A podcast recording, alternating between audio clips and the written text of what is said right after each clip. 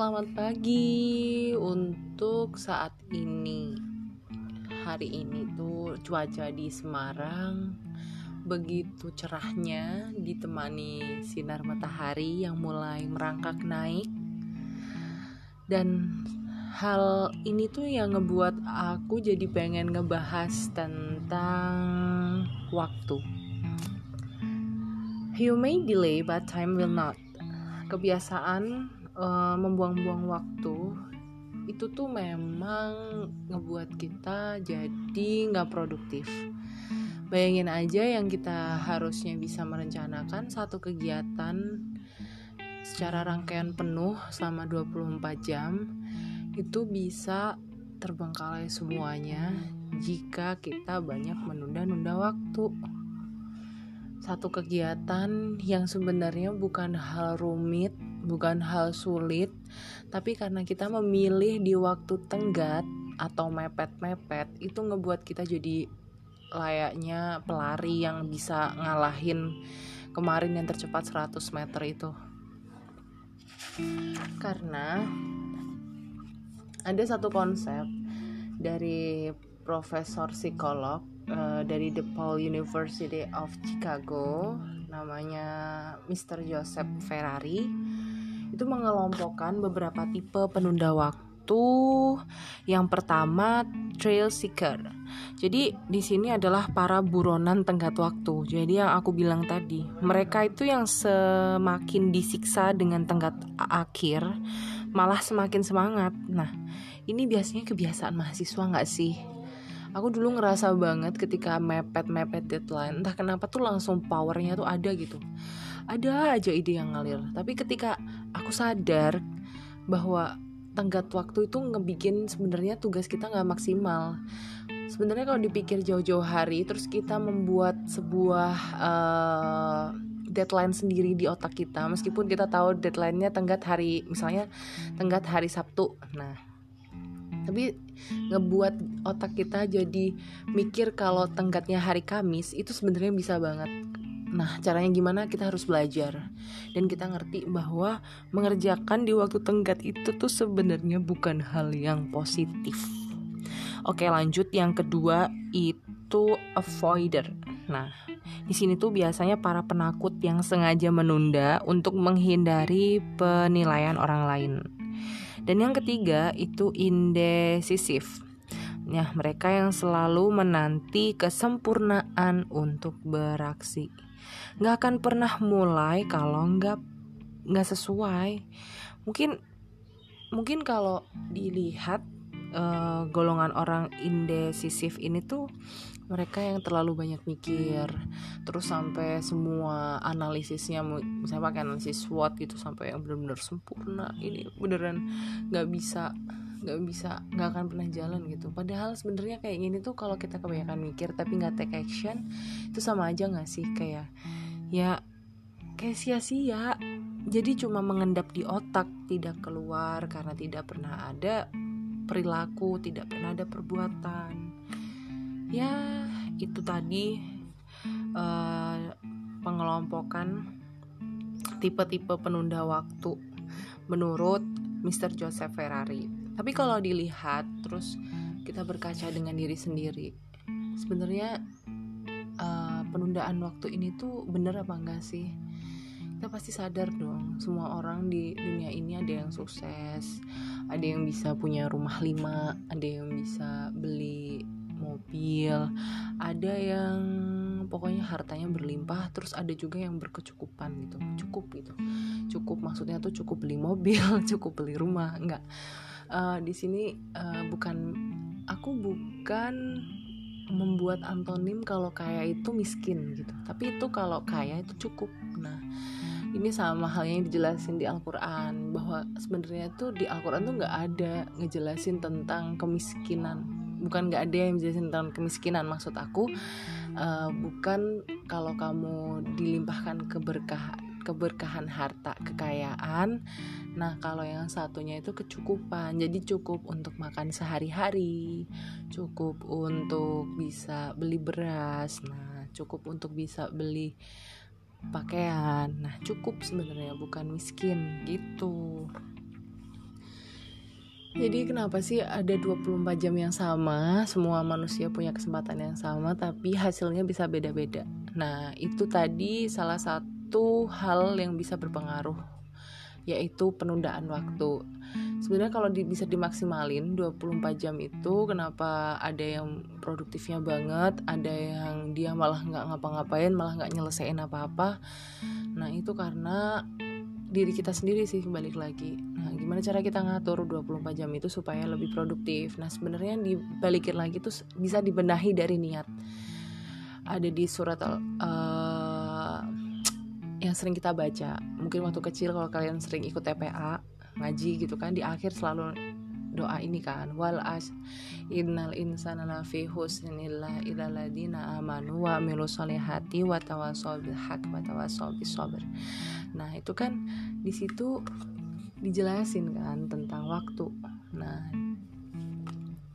jadi sebenarnya penyiap-penyiaan waktu yang harap saya nerangin uh, artinya ya nanti kalian buka sendiri aja. Ya sebenarnya itu bisa jadi niatan kita niatan baik itu dari kalau Allah yang mana berarti Allah tuh udah ngingetin kita buat tidak menyanyiakan waktu buat tidak menunda-nunda waktu. Nah sebenarnya aku ngomong kayak gini tuh untuk nampar diriku sendiri.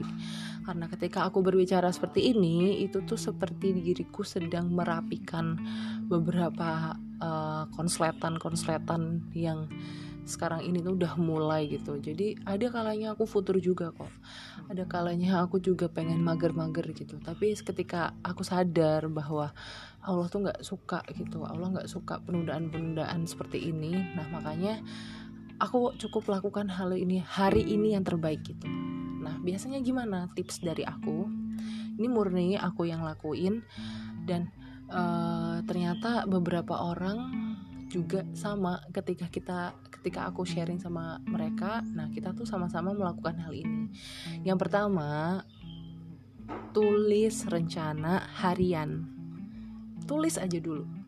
Apalagi kamu bukan tipe yang decision bukan tipe yang bisa mengatur gitu. Orangnya yang uh, isi apa ya yang pokoknya let it flow aja gitu. Padahal sebenarnya semuanya tuh perlu terstruktur gitu. Ya bedanya tuh ditulis bedanya tuh di otak aja udah cukup. Nah ini kalau bisa tuh ditulis aja. Sekarang ada teknologi kalian bisa pakai Google Calendar tulis aja tuh misalnya pukul 4 bangun sholat subuh terus dilanjutin baca buku terus dilanjutin apa beberes terus bisa dilanjutin apa memasak. Nah kegiatan-kegiatan yang kita tulis itu tuh akan secara nggak sadar di alam bawah sadar kita itu ngerekam ngerekam jejak. Terus di di alam sadar kita pun kita ngerti kalau itu yang harus aku lakuin. Nah ketika ada waktu-waktunya misalnya jam 9 selesai pukul 10 misalnya pukul 9 selesai pukul 10 nih kamu harus uh, mandi dan dan cuci baju. Nah biar berarti nanti pukul 10 itu akan secara sendiri akan secara sendirinya tuh langsung kayak kayak apa ya? Kayak membatasi gitu. Oh oke okay, ini aku waktunya mandi sama cuci baju. Nah nanti yang bikin kita senang tuh kadang ih ternyata ya nggak nyampe loh pukul 10 udah selesai. Nah kalian masih ada uh, reward time buat apa ya misalnya scrolling IG scroll, atau kalian mau nonton TV nah itu bisa. Nah tapi habis itu nanti ada jadwal selanjutnya kan. Nah itulah yang ngebikin kita satu harinya itu produktif karena kita lebih mengatur jadwal. Karena mau nggak mau otak kita itu bukan hal yang baik gitu untuk multitasking. Pasti fokus akan lebih uh, fokus untuk mengerjakan satu hal itu akan lebih baik daripada multitasking yang kamu ngerjain ini belum selesai. Terus udah ada kelanjutan yang ini. Eh yang tadinya lupa terus balik lagi ke situ. Nah itu sebenarnya akan ngebuat otak kita capek. Bahkan itu secara nggak langsung fisik kita bisa ikut capek. Dan kalau kita terlalu kecapean kan jadi sakit. Terus imbasnya langsung ke mana-mana kan. Nah makanya semuanya tuh diawalin dari niat dulu supaya uh, jangan deh awal di sesuai judul. Jangan deh suka nunda-nunda waktu. Itu nggak baik. Oke gitu aja. Karena habis ini aku sebenarnya nggak ada nggak ada pikiran apa-apa buat tiba-tiba ngerekam ini tapi aku ngerasa aku butuh ngomong. Terus aku butuh mengeluarkan unek-unekku tentang ini. Makanya oke okay deh rekam sebentar gitu. Karena habis ini aku mau mandi. Dan hari ini tuh hari ulang tahunnya ibuku ya sudah aku mau quality time sama sama mommy dadah. Selamat pagi teman-teman. Jangan lupa mandi.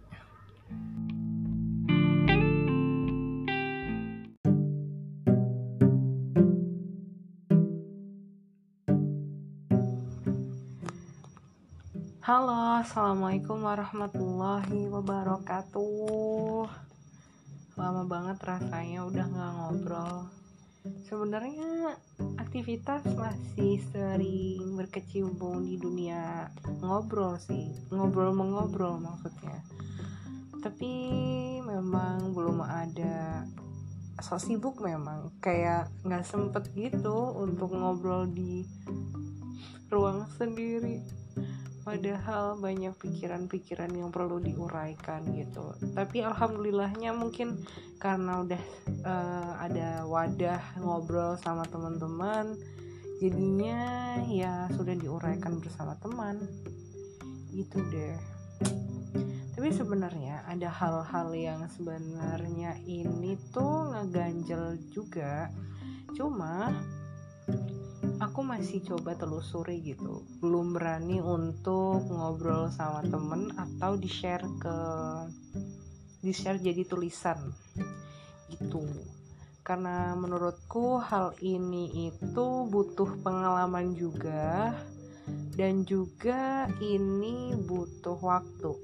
Bukan dalam rentang cepat ataupun uh, bukan hal yang tergesa-gesa kali ya jadi aku ada cerita kalau misalnya sesuatu yang kamu ingin capai tapi sering ditunda-tunda itu sebenarnya karena kamu nggak bisa ngalahin hawa nafsu. Ya bener banget sih kalau dipikir-pikir ketika aku pengen nih ya contoh nyatanya ya saat ini nih aku bisa sekarang ngebuka podcast lagi terus aku nge-record. Ini kan juga butuh niat ya karena akan ngomongin apa ngobrolin tentang apa bahkan harus nyusun skrip tapi untuk obrolan kali ini enggak sih ini benar-benar aku pengen cerita sendiri ya pengen nguraiin pikiran-pikiranku yang lagi bunder di otak ini. Jadi kalau ada keinginan yang A kemudian tahu-tahu lompat lagi yang B terus lompat lagi yang C. Padahal yang A belum selesai yang B belum dimulai bahkan. Udah ada lagi keinginan yang C. Tapi ini yang benar-benar jadi surprise buat aku sendiri adalah tahu-tahu tadi dengar kajian dari Ustadz Nuzul Zikri itu ngebahas hal yang lagi benar-benar jadi ketakutanku. Sama halnya yaitu uh, impian-impianku yang ternyata aku hanya setengah-setengah. Jadi boleh disimpulkan sih aku belum sungguh-sungguh. Ini beneran jadi konflik pribadi sih. Maksudnya ini akan jadi pertentangan dan pergulatan dari pikiranku dengan diriku sendiri. Bukan ada berdampak ke orang lain juga beda tapi ceritanya kalau misalnya aku juga ikut ngelibatin orang lain gitu. Tapi di sini aku beneran karena ini adalah pergulatan antara diriku dan pikiranku serta ambisiku. Makanya yang harus benar-benar aku tuntasin setuntas-tuntasnya. Karena aku rasa nggak tahu kenapa sungguh-sungguh itu tuh aku belum menemukan sebuah kuncinya apa sih gimana sih caranya sungguh-sungguh? Iya aku pernah mengalami sebuah kejadian yang aku memang sungguh-sungguh di situ.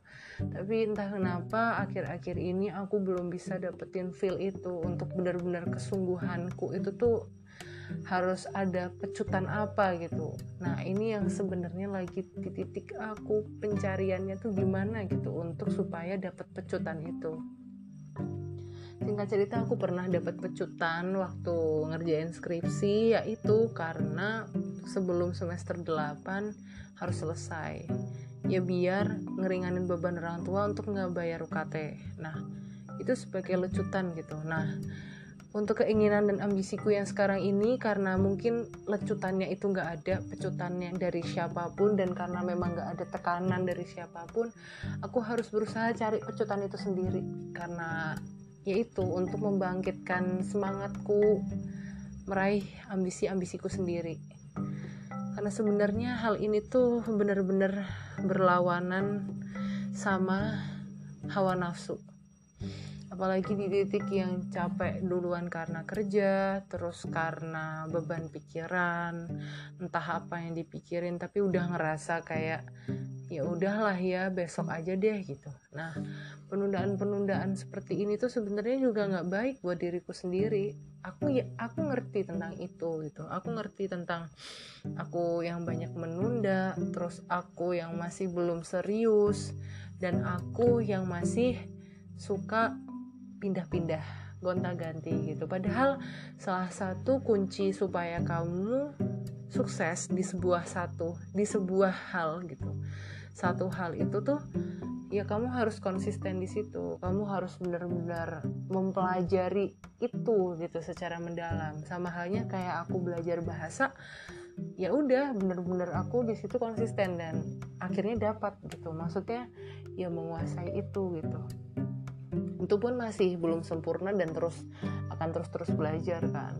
Nah, gimana kalau misalnya mau memulai satu hal lagi gitu, satu hal lagi dalam waktu yang bersamaan juga muncul keinginan-keinginan, apalagi sekarang udah benar-benar merasakan yang namanya welcome to the jungle yang oh oke okay, seperti ini ya ternyata polanya gitu, apalagi orang yang memang dia latar belakangnya uh, suka apa ya suka mencoba tantangan baru terus habis itu dia yang suka bergaul juga pasti akan lebih banyak dihadapkan pilihan gitu. Nah, ini benar-benar yang sedang real terjadi saat ini dan aku harap itu aku merekam suara ini supaya nanti jadi pengingatku sendiri. Mungkin tiga tahun lagi, lima tahun lagi, aku bisa dengerin. Ternyata aku sudah melangkah sejauh ini. Oh ternyata aku sudah mendapatkan ini. Dan doanya sih semoga memang bisa sih bisa tercapai gitu. Ya Allah aku bener-bener sekarang di tahap yang ya yang tadi itu yang bener-bener lagi cari kesungguhan itu sendiri. Lagi bener-bener pengen banget mewujudkan apa yang aku ambisikan gitu. Bukan hanya sekedar omong kosong tapi benar-benar real terjadi. Bukan hanya sekedar gaya-gayaan tapi benar-benaran ingin dijadikan itu nanti sebuah hal yang bermanfaat ke depannya. Dan ya Allah aku benar-benar yang saat ini benar-benar butuh untuk pecutan itu. Karena aku beneran nggak tahu lagi kalau misalnya hanya berkutat dengan keinginan-keinginan hawa nafsuku sendiri ya itu nanti jatuhnya akan ya udahlah ya udah nah ya udah ini. Ah, pada benar-benar mengaplikasikan sebuah ilmu untuk dilakukan amal itu tuh masya Allah berat banget. Tapi aku yakin nggak ada yang nggak mungkin. Kalau kita percaya kita yakin pasti bisa Insya Allah ya mungkin ini karena aku juga belum benar-benar meminta kesungguhan kepada sang penciptaku, kepada sang pemilik diriku, belum juga meminta yang benar-benar sama Allah gitu. Masih cuma di mulut. Tapi tapi benar-benar ini jadi hantu hantu buat pikiranku sendiri gitu. Karena aku pengen banget bisa ini. Semoga aja deh. Gak kerasa banget udah 10 menit ngomong.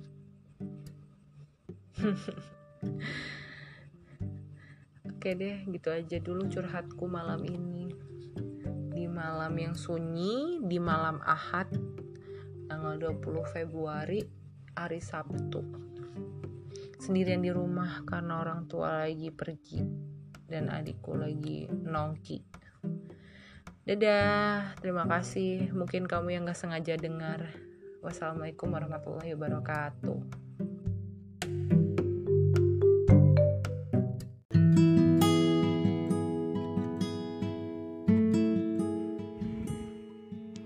Assalamualaikum warahmatullahi wabarakatuh. Halo teman-teman Ada pepatah tak kenal maka tak aruf. Halo semua, nama aku Listi Hanifah. Biasa disapa Lis Atau kalian bisa panggil aja Listi. Saat ini aku sudah resmi menjadi alumni dari kampus yang membuatku percaya dengan kekuatan impian. Penasaran? Nah, aku ada pengantar cerita dongeng.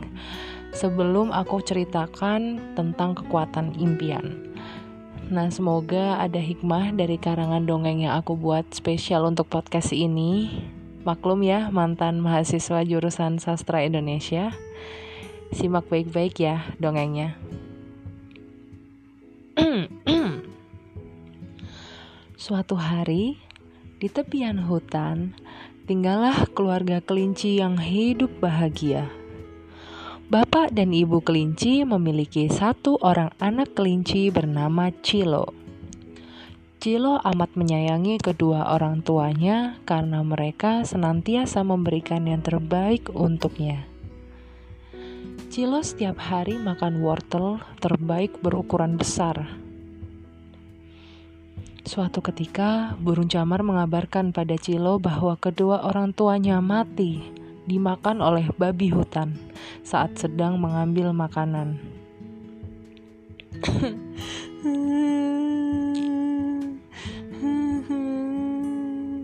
Ayah, ibu, Cilo takut sendirian di sini. Cilo nanti dapat makan dari mana? Burung camar mengantarkan stok makanan untuk Cilo karena merasa kasihan. Berhari-hari Cilo menangis. Ia masih saja mengandalkan makanan yang diberi oleh burung camar. Suatu ketika, tiba-tiba ia teringat pesan ayahnya yang pernah diucapkan saat Cilo sedang pergi mencari kayu di hutan. Cilo sudah besar. Nanti ada saatnya ayah dan ibu tidak bersama Cilo lagi.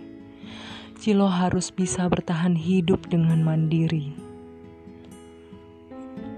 Mengingat pesan ayahnya, Cilo yang semula menangis kini mulai diam. Ia memegangi perutnya yang ternyata hari ini belum makan kemudian memperhatikan sekitar dan melihat stok makanan sudah tidak ada lagi. Ia sungkan untuk meminta pada burung camar. Hmm, Cilo mulai memikirkan caranya untuk tetap bertahan hidup. Ia tidak bisa terus-terusan menggantungkan hidupnya pada burung camar. Kemudian kelinci Cilo mulai berpikir supaya dia memiliki kebun wortel di area sekitar rumahnya sehingga tidak perlu lagi merepotkan orang lain. Cilo mengawali dengan menghubungi teman-teman ayah dan ibunya dulu untuk mendapatkan informasi tempat mencari makan. Akhirnya, Cilo memperoleh informasi bahwa kedua orang tuanya mengerjakan kebun wortel milik keluarga singa. Ia mencoba pergi ke sana dengan maksud untuk menggantikan kedua orang tuanya mencari pekerjaannya. Di sisi lain, Cilo ingin menyerap ilmu dan mencari tahu bagaimana keluarga singa bisa memiliki kebun wortel dengan ukuran besar. Singkat cerita, empat tahun berlalu, Cilo sudah memiliki kebun wortel di area rumahnya. Ditambah lagi, Cilo mendapat kepercayaan keluarga singa untuk mengelola kebun wortel karena ternyata potensi Cilo dalam pengelolaan sangat mumpuni. Wah, selesai. Kekuatan impian yang dimiliki oleh Cilo akhirnya menghantarkan pada pencapaian yang luar biasa ya teman-teman. Nah sekarang teman-teman bagaimana kabar impian saat ini? Apa masih dalam jalan yang lurus? Atau sudah mulai belok-belok nih? Berat ya buat menjawab? Ya sudah, aku ganti deh. Hmm, apa kabar iman hari ini?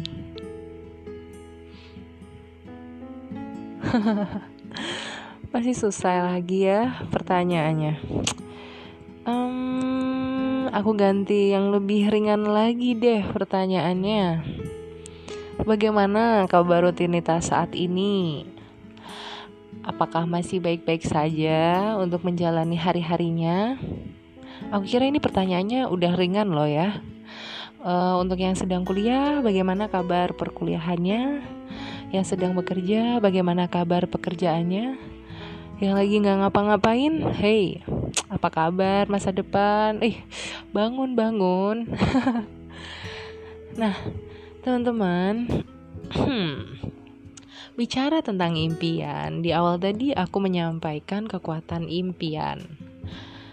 Aku mengalami kekuatan impian itu sendiri saat ingin melanjutkan perkuliahan.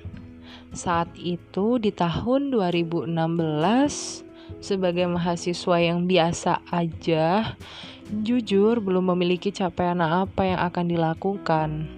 Nah, singkat cerita, ini kilas balik ketika aku akhirnya memperoleh predikat mahasiswa ya. Nah, waktu itu aku sudah selesai ujian nasional dan mendapatkan tiket senam PTN. Namun, aku belum tahu aku itu mau ke mana.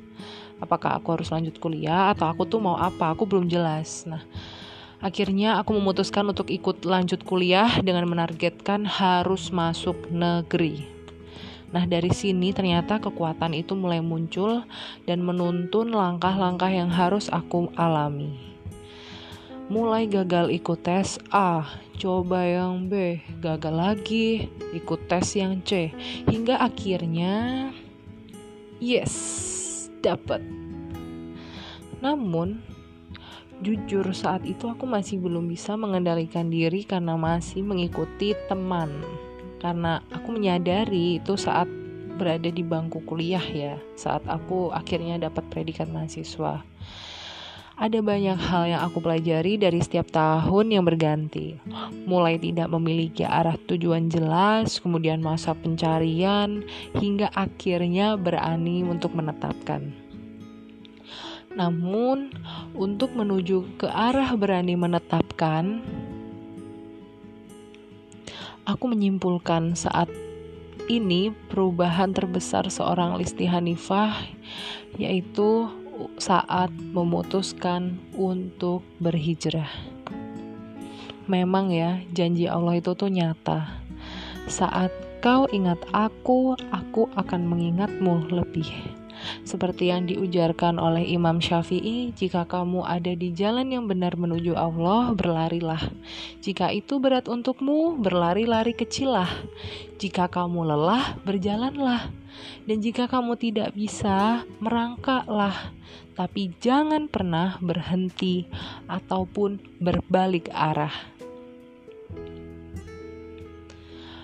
Pengalamanku berhijrah memiliki kaitan yang sangat erat dengan meraih impian itu sendiri. Bahkan dari berhijrah, banyak pilihan-pilihan yang bisa kita atur sedemikian rupa.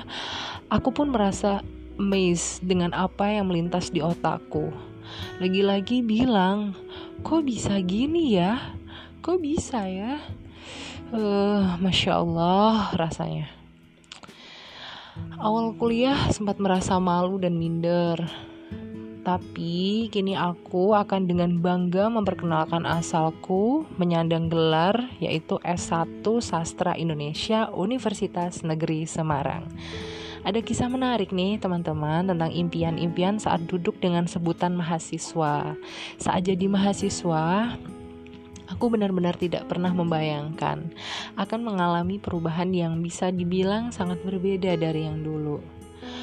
UNES membuatku tumbuh menjadi sosok pejuang dan tidak takut dengan sebuah kegagalan. Aku jadi ingat kejadian tahun 2018, tahun penuh luka dan gagal. Sedih memang. Hampir tiap bulan aku mencoba untuk mengirim isei dan paper nggak pernah tembus. Ikut lomba A, B, C, nggak pernah menang. Dan Allah saat mengalami proses itu ternyata Allah hadirkan teman-teman yang support, teman-teman yang senantiasa mendukung. Di sisi duniawi perkampusan sering dirundung kegagalan, malah ternyata Masya Allah, ternyata Allah sering hadirkan teman yang ngajak kajian ke sini dan ke situ. Uh, indah banget pokoknya. Jazakillah khair ya kalian teman-teman. Insya Allah bisa jadi penolong kelak di akhirat. Jangan lupa cari aku ya. Aku memiliki kebiasaan saat pergantian tahun itu selalu menuliskan wishlist namanya. Ya kayak semacam peta impian yang ingin diwujudkan gitu loh. Setelah dibaca-baca ternyata capaian terbesarku di 2018 Astagfirullah memang duniawi banget. Contohnya nih ya.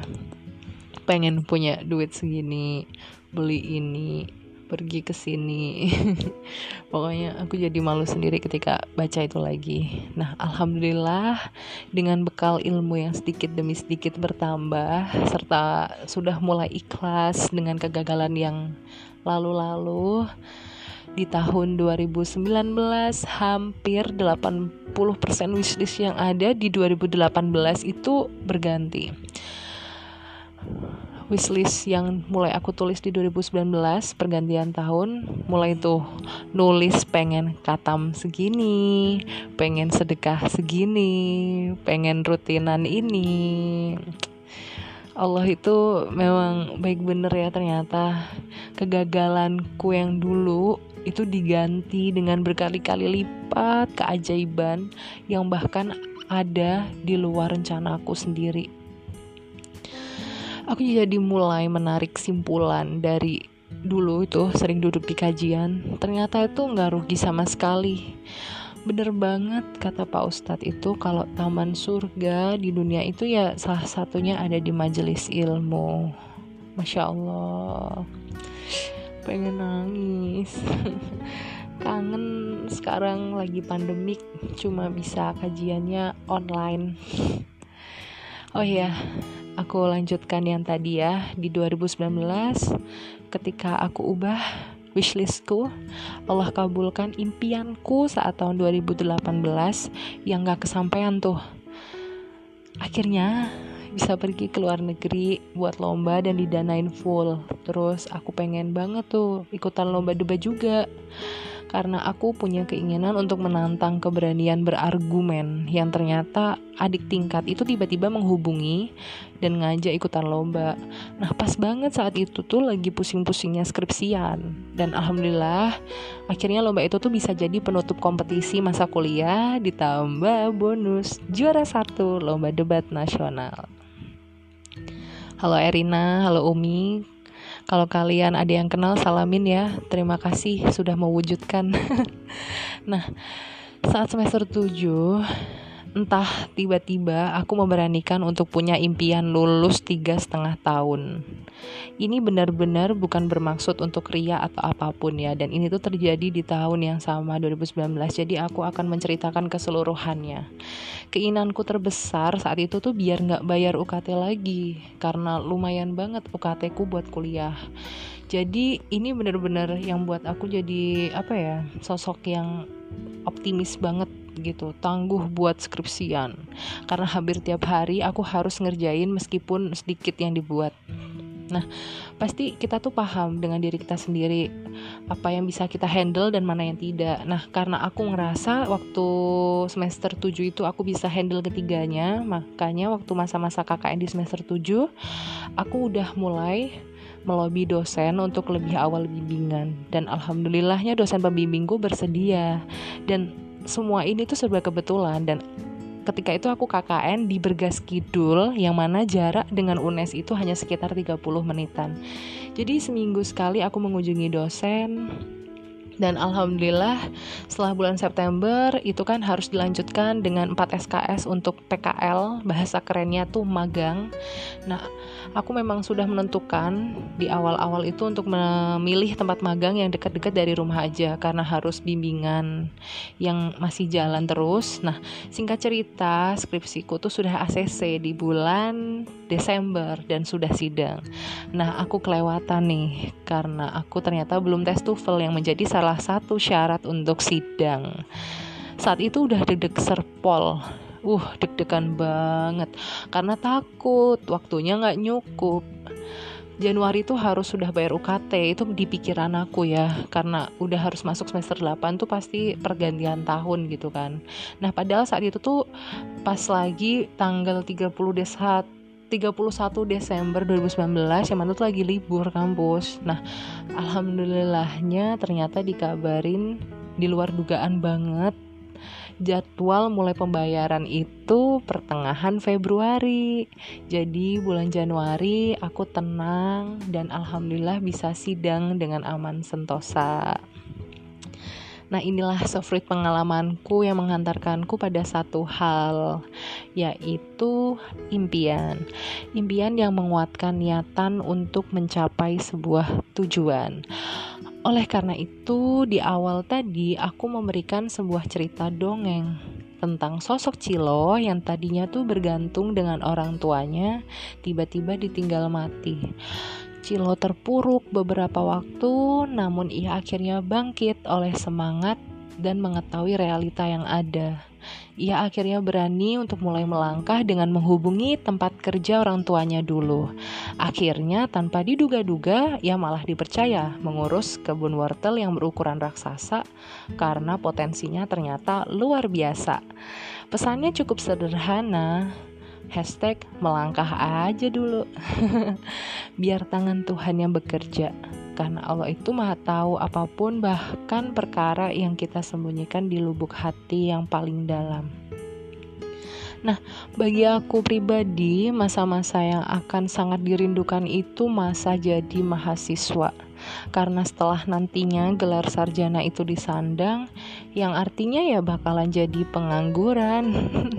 Cuma penganggurannya sudah berbeda. Boleh dibilang pengangguran berkelas. Nah kita harus jadi pengangguran berkelas. Ngomong-ngomong soal pengangguran berkelas ini aku buat uh, semangat kalian aja nih saat nanti usai menyelesaikan perkuliahan saat itu tepat bulan Maret, seminggu kemudian ternyata virus COVID ini masuk ke Indonesia. Langsung semuanya ditutup total.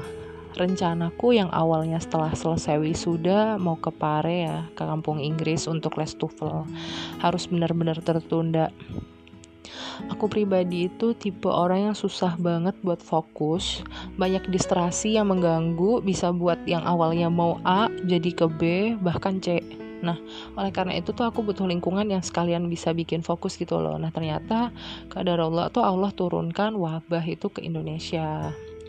Kecewa sih, hmm, enggak karena aku tuh percaya gitu semua ini pasti akan ada hikmahnya. Percaya sama yakin aja gitu. Nah impianku tuh bener-bener menggebu buat tetap pengen ngelanjutin kuliah S2 pengen pengen banget rasanya biar coba peruntungan itu lewat jalur beasiswa. Nah jujur aja aku udah nggak pengen membebani orang tua dengan biaya-biaya lagi. Karena menurut aku dengan ijazah S1 itu udah cukup buat cari penghasilan. Nah bahasa kerennya cari cuan. Nah ternyata kabar kurang menyenangkan datang. Beasiswa yang aku harapkan tahun ini ternyata ditiadakan. Jadi tahun 2020 ini beasiswa yang aku pengenin gak ada. Waktu aku dalam fase jadi pengangguran ini aku banyak habiskan waktu untuk baca-baca buku, ikut pelatihan A, B, C dan kebetulan waktu itu kan lagi pandemik yang bener-bener horor gitu kan. Jadi banyak pelatihan-pelatihan dibuka secara gratis. Dan tiba-tiba di akhir bulan April itu aku nggak sengaja mulai aktif menggunakan aplikasi LinkedIn. Ini tuh aplikasi buat nyari kerjaan dan jaringan gitu. Nah, aku sebenarnya udah bergabung di platform ini tuh semester semester 3 hanya aja itu waktu semester 3 karena fokusnya belum cari kerja jadi belum begitu aktif gitu nah singkat cerita ambisiku yang ingin sekali melanjutkan ke jenjang S2 ini tuh mulai perlahan berdamai dengan realita yang ada. Jadi aku masih sikan seperti Cilo. Bisa jadi Cilo itu gambarannya aku ya. Nah tentu rasanya nano-nano ya. Hanya saja aku benar-benar saat itu udah gak nggak ada pikiran lain selain coba coba dan coba. Karena aku tuh kayak nggak suka gitu loh kalau misalnya sehari nggak ngapa-ngapain. Jadi aku nggak pengen fase nganggurku itu malah buat enak-enakan aja gitu. Akhirnya aku mulai bilang dengan diriku sendiri Bismillah coba deh lamar kerjaan gitu Nah untuk menuju ke keputusan ini buat aku tuh sulit banget. Yang mana harapanku buat jadi dosen harus ditunda dulu. But who knows? Coba aja dulu kan. Nah ternyata serangkaian proses tempaan yang aku alami di 2018 harus kembali terulang. Tapi bedanya saat ini tuh jauh lebih kuat gitu loh. Rasanya udah yakin banget Allah tuh nggak akan ngebiarin hambanya yang udah beneran ada effort ada usahanya gitu jadi aku mulai cari tahu cara nulis CV yang benar gimana karena buat ngamar kerja kita jualnya tuh CV gitu. Ternyata nggak gampang harus disesuaikan dengan apa yang ingin kita lamar. Terus sering bilang gini nih, oh ternyata gini ya, oh ternyata gini ya gitu. Jadi belajar terus ya. Akhirnya coba lagi, coba lagi. Jujur aja waktu itu beneran di luar dugaan ternyata ternyata tuh susah banget buat cari kerja apalagi situasi pandemik kayak gini Nah, tadinya yang awal-awal cuma ngelakuin sendiri, mulai tuh coba hubungi kakak tingkat buat kasih info kalau ada lowongan pekerjaan supaya saya tuh dikasih tahu gitu, minta tolong ke kakak-kakaknya. Nah sempat waktu itu tuh aku belajar juga interview. Ternyata udah sampai mau interview user tuh kan habis itu keterima kerja apa enggak gitu kan. Nah ternyata aku gagal. Ya rasanya beneran gak enak. Tapi aku memutuskan buat nggak berhenti di situ gitu. Aku tetap hmm, tetap perjuangin lah pokoknya. Akhirnya kalau misalnya pengen ngelamar kerja terus klik send karena medianya online ya itu selalu bilang Bismillah ya Rob Singkat cerita, tiba-tiba di lamaran pekerjaanku yang ke-9 dalam sebulan itu aku mencoba ke sembilan tempat aku memperoleh informasi ini dari kakak tingkatku yang tiba-tiba ngubungin aku bahwa ini ada lowongan nih gitu. Nggak sampai nunggu dua minggu aku tiba-tiba ditelepon. Hari Jumat tanggal 29 Mei 2020 aku inget banget. Halo ini benar atas nama Listi Hanifa gitu. Terus aku jawab kan Ha, iya, saya Melani dari Narabahasa. Selamat ya, kamu menjadi kandidat terkuat untuk ada di posisi operasi. Jadi aku ngelamar posisi spesialis operasi gitu. Nah, langsung aku bilang terima kasih. Nah, selesai ditutup telepon, aku beneran nangis dan langsung sujud karena aku beneran bilang langsung kayak yang alhamdulillah alhamdulillah alhamdulillah terus gitu berulang nah Narabi, nara bahasa ini tuh yang menjadi tempatku akhirnya buat menimba ilmu hingga saat ini. Yang mana tanpa diduga aku bekerja dengan sosok orang yang aku bener-bener rela ikut seminarnya waktu kuliah karena cuma bisa cuma pengen bisa lihat beliau gitu secara langsung yaitu Ivan Lanin mungkin yang tahu anak-anak bahasa ya karena sosok Pak Ivan ini tuh seorang praktisi bahasa yang sekarang tuh jadi bosku nah ternyata skenario Allah yang saat itu mungkin aku ngerasa belum jelas nggak terarah tapi ternyata aku memilih untuk terus maju dan melangkah yang akhirnya ngebuat uh, tangan Allah tuh berhenti di situ gitu. Dah dan aku ada pesan bagus nih buat teman-teman. Dengerin ya.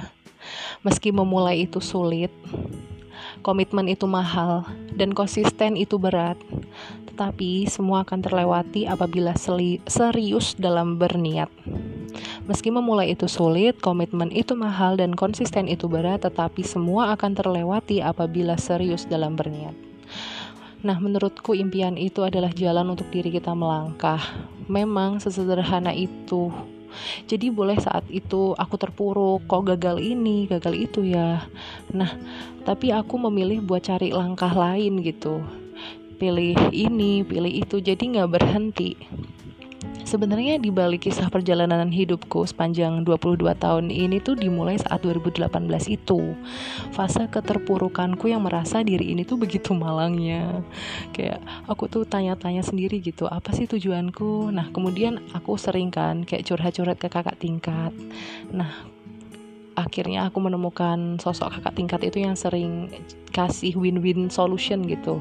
Beliau angkatan 2014 terus aku kan cerita tuh tentang tujuan dan segala macam. Beliau jawab yakin kita nggak punya tujuan? Coba hidup ini apakah akan terus berlangsung? Aku jawab enggak aku geleng-geleng. Nah lalu jika tidak apa artinya aku bilang meninggal mbak. Mati. Terus mbaknya bilang nah itu poin utamamu. Aku nggak paham dong. Aku nanya hah maksudnya? Gitu. Itu tadi kamu bilang akan meninggal. Itu kan sudah jelas tujuan kita sebagai manusia. Lalu persiapan apa aja nih buat bekalmu meninggal nanti? Hmm deep banget deep banget dalam banget. Jujur aja perkataan beliau bahkan hingga kini itu jadi lecutku untuk cari cara bagaimana tidak menyiakan kesempatan kehidupan yang sudah Allah beri ini. Yaitu tadi aku selalu yakin ada Allah ada Allah ada Allah yang selalu melihat gitu. Oleh karena itu di tahun 2019 aku mengalami perubahan dari sisi impian tadi sebagai seorang muslim. Sebenarnya muara dari semua hal yang selalu dikatakan bahwa dunia ini fana dunia ini sementara, dunia ini melenakan, dunia ini tempat untuk berlelah.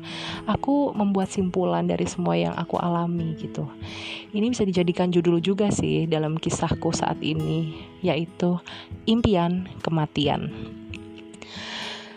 Sudah ya untuk akhirnya mengakhiri pertanyaanku yang lugu tadi bilang tidak punya impian padahal kain kafanku sedang ditenun.